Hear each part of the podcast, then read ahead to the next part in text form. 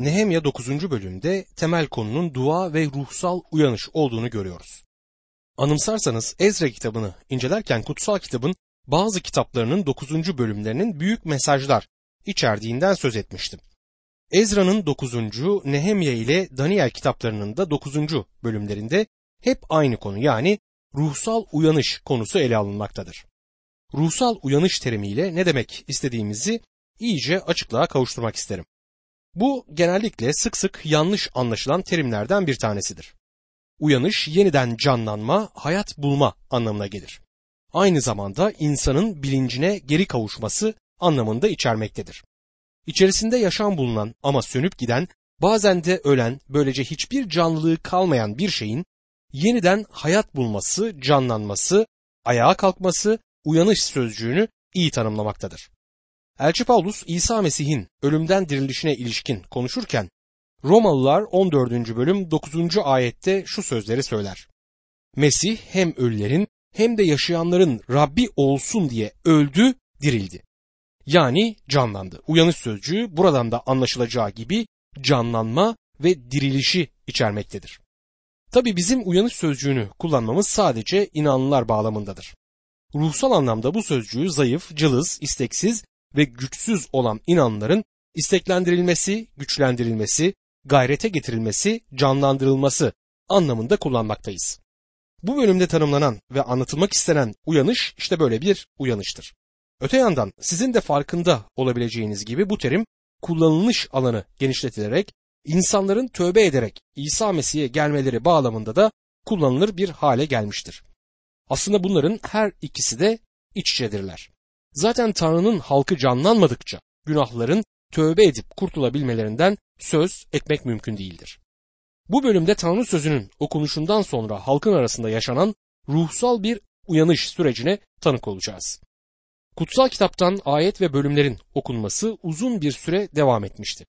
Kaç saat ya da kaç gün okudular bilmiyoruz. Kendisi bir yazıcı olan Ezra, Tanrı'nın kutsal yazılarından okumak için Yaruşilim'in su kapısının yanında toplanan insanlara minberden ayetler okumak ve onu dinleyen insanlar duydukları bu sözlerin etkisinde kalarak ağlamaya ve dövünmeye başlamışlardı.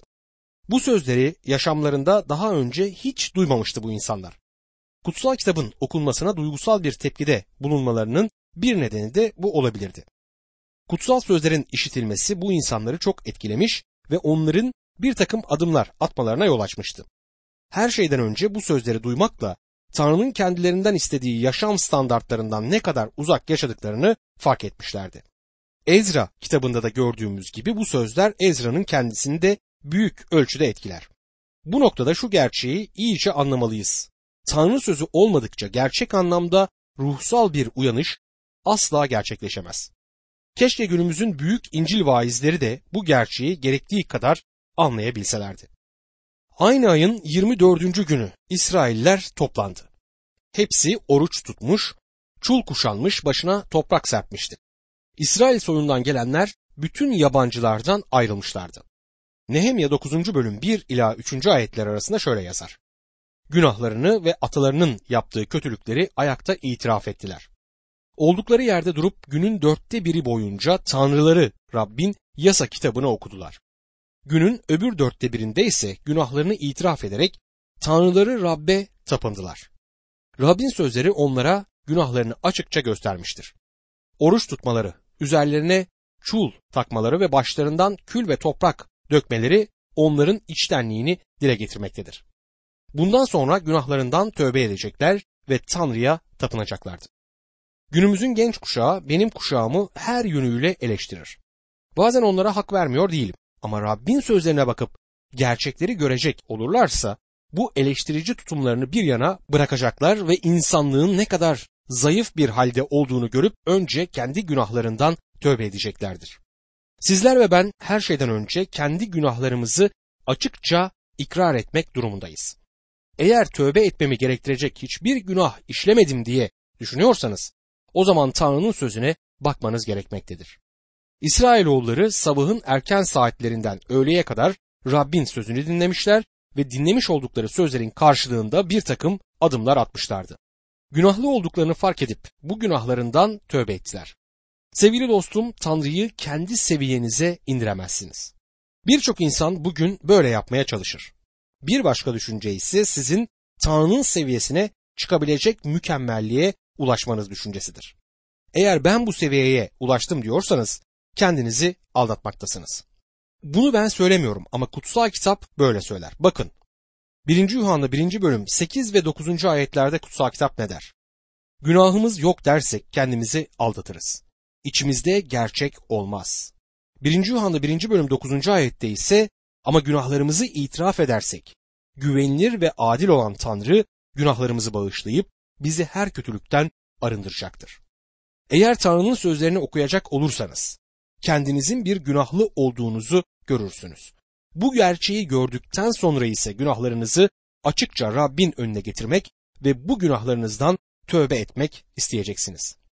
Günahın itirafı yanlış davranış ve günahlarımıza mazeret bulup bunları geçiştirmeye çalışmadan Tanrı'nın bu yöndeki hükmünü olduğu gibi kabul etmek ve bunu açıkça söylemek demektir. İkrar yapmış, itiraf etmiş ya da düşündüğümüz yanlış bir şeyi günah olarak kabul etmemiz anlamına gelir. Eğer günahımızı açıkça söylersek o zaman güvenilir ve adil olan Tanrı bizi bağışlayacak ve her türlü haksızlıktan temizleyecektir. Anımsayacağınız gibi İsa Mesih öğrencilerin bir arada bulunduğu yukarı odada öğrencilerinin ayaklarını yıkamıştı. O bugün de babanın sağında bu aynı şeyi bizim için yapmaya devam eder. O bizi temizler.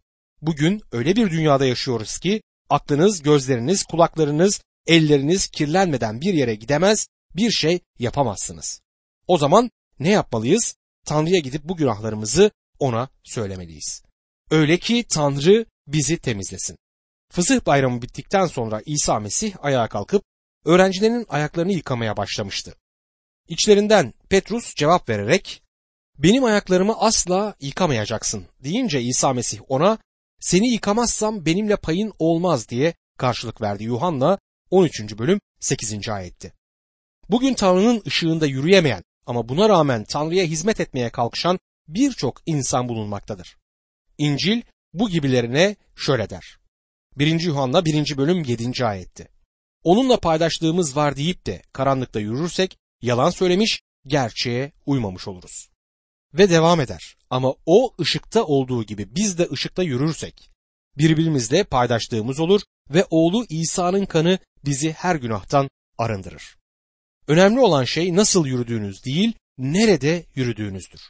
Tanrı'nın sözünün ışığı altında yürüdüğünüz zaman kendinizi Tanrı'nın yüceliğinden yoksun, çok uzaklarda göreceksiniz. Bu gerçeği görünce günahlarınızdan tövbe etme ihtiyacını duyacak ve Rab İsa Mesih'e geleceksiniz. Eğer bunu yapmazsanız İsa Mesih size şöyle söyler. Eğer seni yıkamazsam benimle hiçbir payın olmaz.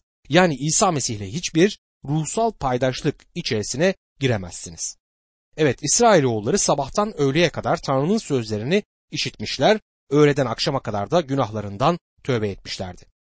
Radyoda Romalılara mektup üzerindeki derslerimizi tamamladıktan sonra dinleyicilerden birçok mektup aldım. Dinleyicilerden bazıları bu dersleri dinlemeden önce kendisini dinlemeyi hiç sevmediklerini, birisi de kendisinden resmen nefret ettiğini yazıyordu. Bu insanların bu günahlarını bana açıkça söyleyip tövbe etmeleri gerekmez.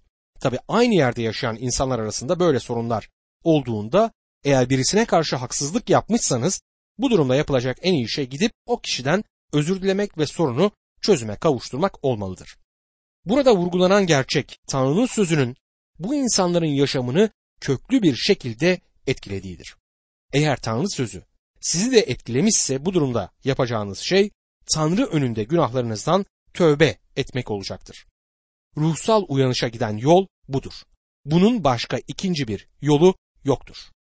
Bence İsrailoğulları günahlarından tövbe ettikten sonraki bence herkes kendi içinde tövbe etmişti, yapmış oldukları hataları düzeltmeye başladılar. Elçi Petrus Pentekost gününde ruhsal uyanışı ayağa kalkıp Rab İsa Mesih'i inkar etmiş olmaktan tövbe ederek ortaya çıkarmamıştı. Hem Luka hem de Paulus Rabbin Elçi Petrus'a özel olarak göründüğünü yazarlar. Bu özel bir konuydu ve sadece ilgili olan kimseleri ilgilendiriyordu. Gidip herkesin önünde banyo yapmazsınız. Bunun gibi bizler de her günahımızı açıkça insanların önünde ikrar etmek zorunda değiliz. Simon Petrus da gizli bir yerde tövbe etmiş ve Rab ile arasındaki sorunları bu yolla çözümlemişti. Herkesin önünde yapılan günah ikrarı gerçek bir uyanışı oluşturmaz. Bu tür uygulamalar günümüzde hiçbir uyanış ortaya çıkarmamıştır.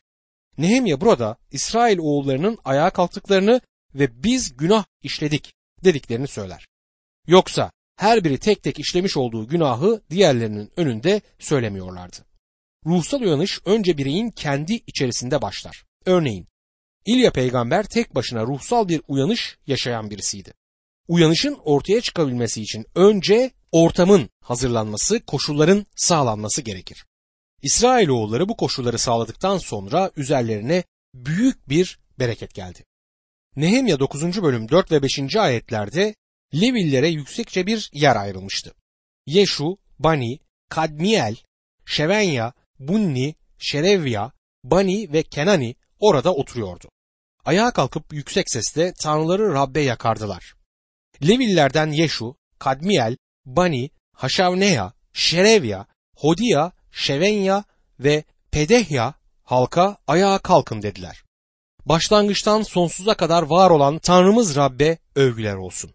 Ya Rab, senin kutsal adın öyle yücedir ki bizim yüceltmelerimiz, övgülerimiz yetersiz kalır diyorlar. Böyle bir tövbe dikkatleri kendi üzerine çekmek için ayağa kalkan insanlara kendisinin ne kadar berbat bir günahkar olduğunu anlatarak kahraman gibi görünmek isteyen birisinin tövbesinden çok farklıydı. İsrailoğulları günahlarını ikrar edip tövbe ettikten sonra Tanrı'ya övgüler sunup onu yücelttiler. Bizler de aynen böyle yapmalıyız. Gerçekten Rab için verdiğimiz hizmetlerde onu yüceltmeli ve övmeliyiz. Kilisenin birinde ruhsal çoban olan bir kardeş hafta içi yaptıkları toplantının her defasında aynı duaları ede ede çok sıkıcı geçmeye başladığını, bu nedenle bir gün bir değişiklik yapıp bu kez Rabbi öveceklerini söylediğini anlattı. Sonuç olarak bizim için tam bir uyanış oldu dedi. Rabbi övmeye ve onun kutsal adını yüceltmeye başladığımızda Rab ruhsal uyanışı da hemen arkasından gönderecektir. Nehemya 9. bölüm 6. ayette halk şöyle dua etti. Tek Rab sensin. Gökleri, göklerin göklerini, bütün gök cisimlerini, yeryüzünü ve içindeki her şeyi, denizleri ve içlerindeki her şeyi sen yarattın. Hepsine sen can verdin. Bütün gök cisimleri sana tapınır. Hiç sahile gidip o büyük dalgaların kayalara hızla çarptığını seyrettiğiniz oldu mu? Ya da seyretmesine doyamadığımız o güzelim ormanları, panoramik manzaraları gördüğünüzde yüreğiniz hiç hamd duygularıyla doldu mu? Ya da yıldızlı bir gecede gökyüzüne bakıp o büyük sırlarla dolu evren karşısında kendi hiçliğinizi ama yaratıcı Tanrı'nın nedenli büyük ve görkemli olduğunu fark ettiniz mi? Ben fark ettim. Hamdolsun bütün bu gördüğünüz hayvanları, ağaçları, bitkileri, denizdeki canlıları, evet bütün bunların hepsini o yarattı. Tüm evren, görünen ve görünmeyen onun ellerinin işidir. Ve bütün bu şeyler Rabbe övgü sunar. Nehemya 9. bölüm 7 ila 10. ayetler arasında Ya Rab, Avram'ı seçen, onu Kildanilerin Ur kentinden çıkaran, ona İbrahim adını veren Tanrı sensin. Onu kendine yürekten bağlı buldun ve onunla bir antlaşma yaptın. Kenanlı, Hitit, Amorlu, Perizli, Yevüs ve Girgaş topraklarını onun soyuna vereceğim deyip sözünü tuttun. Çünkü sen doğrusun. Atalarımızın Mısır'da çektiklerini gördün. Kızıldeniz'de yakarışlarını işittin. Firavun'a, görevlilerine ve ülkesinin halkına karşı mucizeler, harikalar yarattın. Çünkü atalarımızı nasıl ezdiklerini biliyordun. Bugün olduğu gibi ün kazandın diyor. İsrailoğulları geçmişte Rabbin atalarını ne yollarla yönlendirdiğini anımsayarak Tanrı'yı övüyorlardı. İbrahim'i Kenan ülkesinden koruduğunu anımsayarak Rabbe yücelik sundular. İsrail ulusunu Mısır'dan çıkarışını, Sina çöllerinde onları koruyup kayırışını, çeşitli mucizeler yaratarak onların tüm ihtiyaçlarının karşılandığını anımsadılar. Ve tüm bunlar için Rabbi birer birer övdüler. İçinde yaşadığınız topluma ait birisi olduğunuz için hiç Tanrı'ya hamd ettiğiniz oldu mu?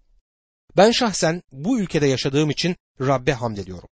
bu ülkede değil de başka bir ülkede yaşıyor olabilirdim. Ama insan bulunduğu yerden Rabbe teşekkür edebilmeli. Hangi ülkede yaşarsa yaşasın, o ülkenin bir vatandaşı olduğu için büyük bir sevinç duymalıdır. Bazıları benimle aynı fikirde olmayabilirler ama ben her insanın bağlı bulunduğu ulus yararına çalışmasını Rabbi kendi insanlarına kendi dilinde anlatmasını isterim. Nehemya'nın günlerinde yaşayan insanlar İsrailli oldukları için çok mutluydular. Bizler de bugün hangi ulusa bağlıysak bunun için mutluluk duyabiliriz. Tabi aşırılığa, milliyetçiliğe ve ırkçılığa karşı durmalıyız. Çünkü insanın kendi ulusunu sevmesi güzel bir şeyken körü körüne bir milliyetçilik ve ırkçılık çok tehlikeli olabilmektedir. İsrailoğulları Tanrı'nın kendilerinin sadece yaratıcısı olduğunu değil ama kurtarıcısı olduğunu da fark etmişlerdi. Tanrı'ya kendilerini Mısır'dan çıkarırken sağlamış olduğu kurtuluş nedeniyle teşekkür ediyorlardı. Sizler ve ben şu iki şey için Tanrı'ya teşekkür etmek zorundayız. O yaratıcıdır ve tüm bu evren onun ellerinin işidir. Bu nedenle ona teşekkür etmeliyiz. Aynı zamanda o bizi kurtardığı için de ona teşekkür etmeliyiz. Bunu sık sık yapabiliriz. Şu anda her nerede bulunuyorsanız bulunduğunuz yerde Rabbi yüceltebilir, ona övgüler sunabilirsiniz. Ona sizi de yarattığı için teşekkür edebilirsiniz.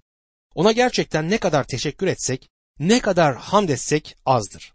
O hayatımızda çok şaşılacak işler yaptı. Onun adına sonsuza dek övgüler olsun.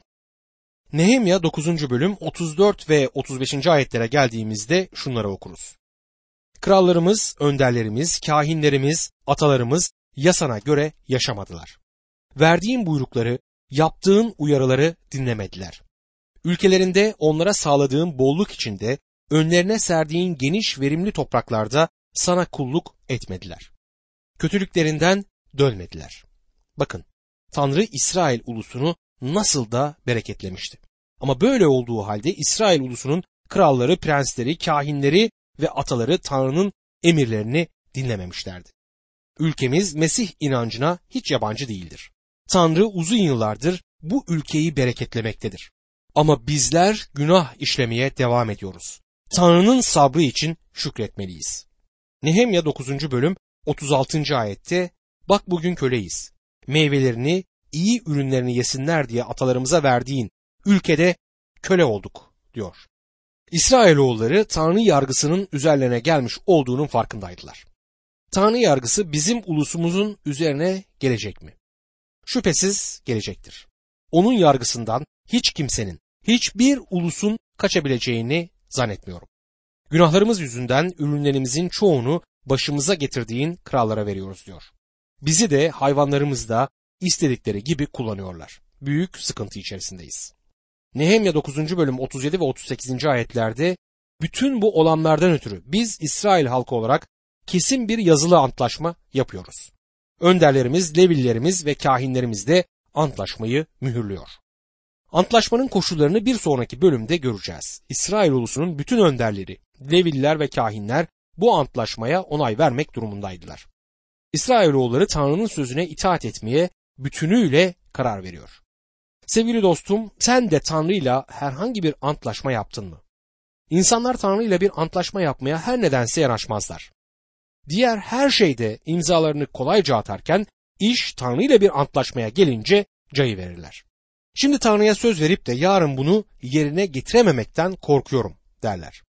Oysa bir sürü borca girip ev veya araba alırlarken borç senetlerine kolayca imzalarını atarlar.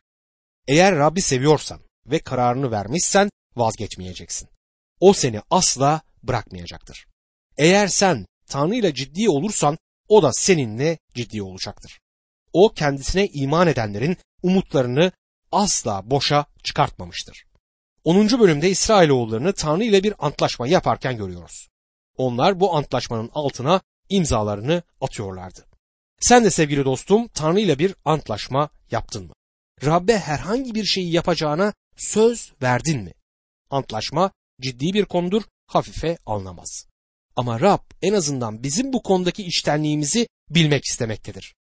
Aldığımız kararda ve yaptığımız antlaşmada kararlıysak o bu sözümüzü tutmamıza da yardım edecektir. Bu bölümde ilk olarak Yaruşilim valisi Nehemya'yı ve 22 kahinin sıralanışını görüyoruz. Bunlar bu antlaşmayı mühürleyip imzalıyorlardı. Leviller de birer birer bağlı bulundukları aileleri temsil ederek bu antlaşmaya onay veriyorlardı. Burada ayrıca İsrailoğullarının 44 başkanının adları da sıralanmaktadır.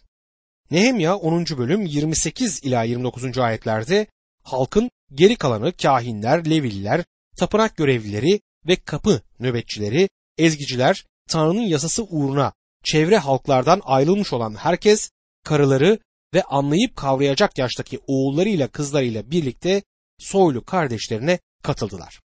Tanrı'nın kulu Musa aracılığıyla verdiği yasaya göre yaşamak, egemenimiz Rabbin bütün buyruklarına, ilkelerine, kurallarına uymak üzere ant içtiler. Uymayacaklara lanet okudular diyor. Yapmış oldukları antlaşma Tanrı'nın kutsal yasasını tutmaya yönelik bir antlaşmaydı ve yapmaya söz verdikleri özellikle üç şey burada sıralanmaktaydı. Bunları sıralamalarının nedeni belli ki daha önce bunları yaşamlarında hiç yapmamış olmalarıydı. Babil'de uzun yıllar tutsaktılar ve Musa'nın yasası ellerinde değildi. Aradan geçen uzun yıllar sonra bu kez Babil'e giden Yahudilerin torunları Yarışilim'e geri döndükten sonra Musa peygamberin yasalarını yeniden tutmaya başlıyorlardı. Nehemya 10. bölüm 30. ayette çevremizdeki halklara kız verip kız almayacağız der. Diğer uluslardan kız alıp vermeyi yasaklayan, koruyan bu yasaydı. Bu antlaşmayla bir daha putperest halklara asla kız vermeyeceklerine ve onlardan da kız almayacaklarına söz veriyorlardı. Nehemya 10. bölüm 31. ayette çevre halklardan şabat günü ya da kutsal bir gün eşya veya tahıl satmak isteyen olursa almayacağız. Yedi yılda bir toprağa sürmeyeceğiz ve bütün alacaklarımızı sileceğiz der. Antlaşmaya girdikleri ikinci şey set gününde veya diğer herhangi bir kutsal günde ticaret yapmayacaklarıyla ilgiliydi. Bununla beraber Yahudi takvimine göre serbest bırakma yılı olan 7. yılı da tutacaklarına söz veriyorlardı. Antlaşmaya girdikleri son nokta ise meyvelerin turfandasıyla ve sunulacak kurbanlarla ilgili bölümdür. Antlaşmada daha ne gibi noktalar vardı? Bunları da 32. ayetten bölümün sonuna kadar şöyle okuyoruz. Tanrımızın tapınağının giderlerini karşılamak üzere hepimiz sorumluluk alıyoruz. Her yıl şekelin üçte birini vereceğiz. Bu para adak ekmekleri, günlük tahıl sunusu ve yakmalık sunular, şabat günleri, yeni aylar ve öbür bayramlarda sunulan kurbanlar, kutsal sunular, İsrail'in günahlarını bağışlatacak sunular ve Tanrımızın tapınağının öteki işleri için harcanacak. Kahinler, Levililer ve halk hep birlikte kura çektik. Aileler her yıl kutsal yasaya uygun olarak Tanrımız Rabbin sunağında yakılmak üzere belirli zamanlarda odun getirecek. Ayrıca her yıl toprağımızın ve meyve ağaçlarımızın ilk ürününü Rabbin tapınağına götüreceğiz. Yasaya uygun olarak ilk doğan oğullarımızı, hayvanlarımızı, ilk doğan sığırlarımızı ve davarlarımızı Tanrımızın tapınağına, tapınakta hizmet eden kahinlere götüreceğiz. Hamurlu yiyeceklerimizin, kaldırdığımız ürünlerin, bütün ağaçlarımızın meyvelerinin, yeni şarabımızın, zeytinyağımızın ilkini Tanrımızın tapınağının depolarına getirip kahinlere vereceğiz. Toprağımızın ondalığını Levillere vereceğiz. Çünkü çalıştığımız bütün kentlerde ondalıkları onlar topluyor. Levililer ondalıkları toplarken Harun soyundan bir kahin yanlarında bulunacak. Leviller topladıkları ondalığın onda birini Tanrımızın tapınağındaki depolara, hazine odalarına bırakacak. İsrail halkıyla Leviller buğdaydan, yeni şaraptan, zeytinyağından verilen armağanları tapınak eşyalarının, kahinlerin, tapınak kapı nöbetçilerinin ve ezgicilerin bulunduğu odalara koyacaklar.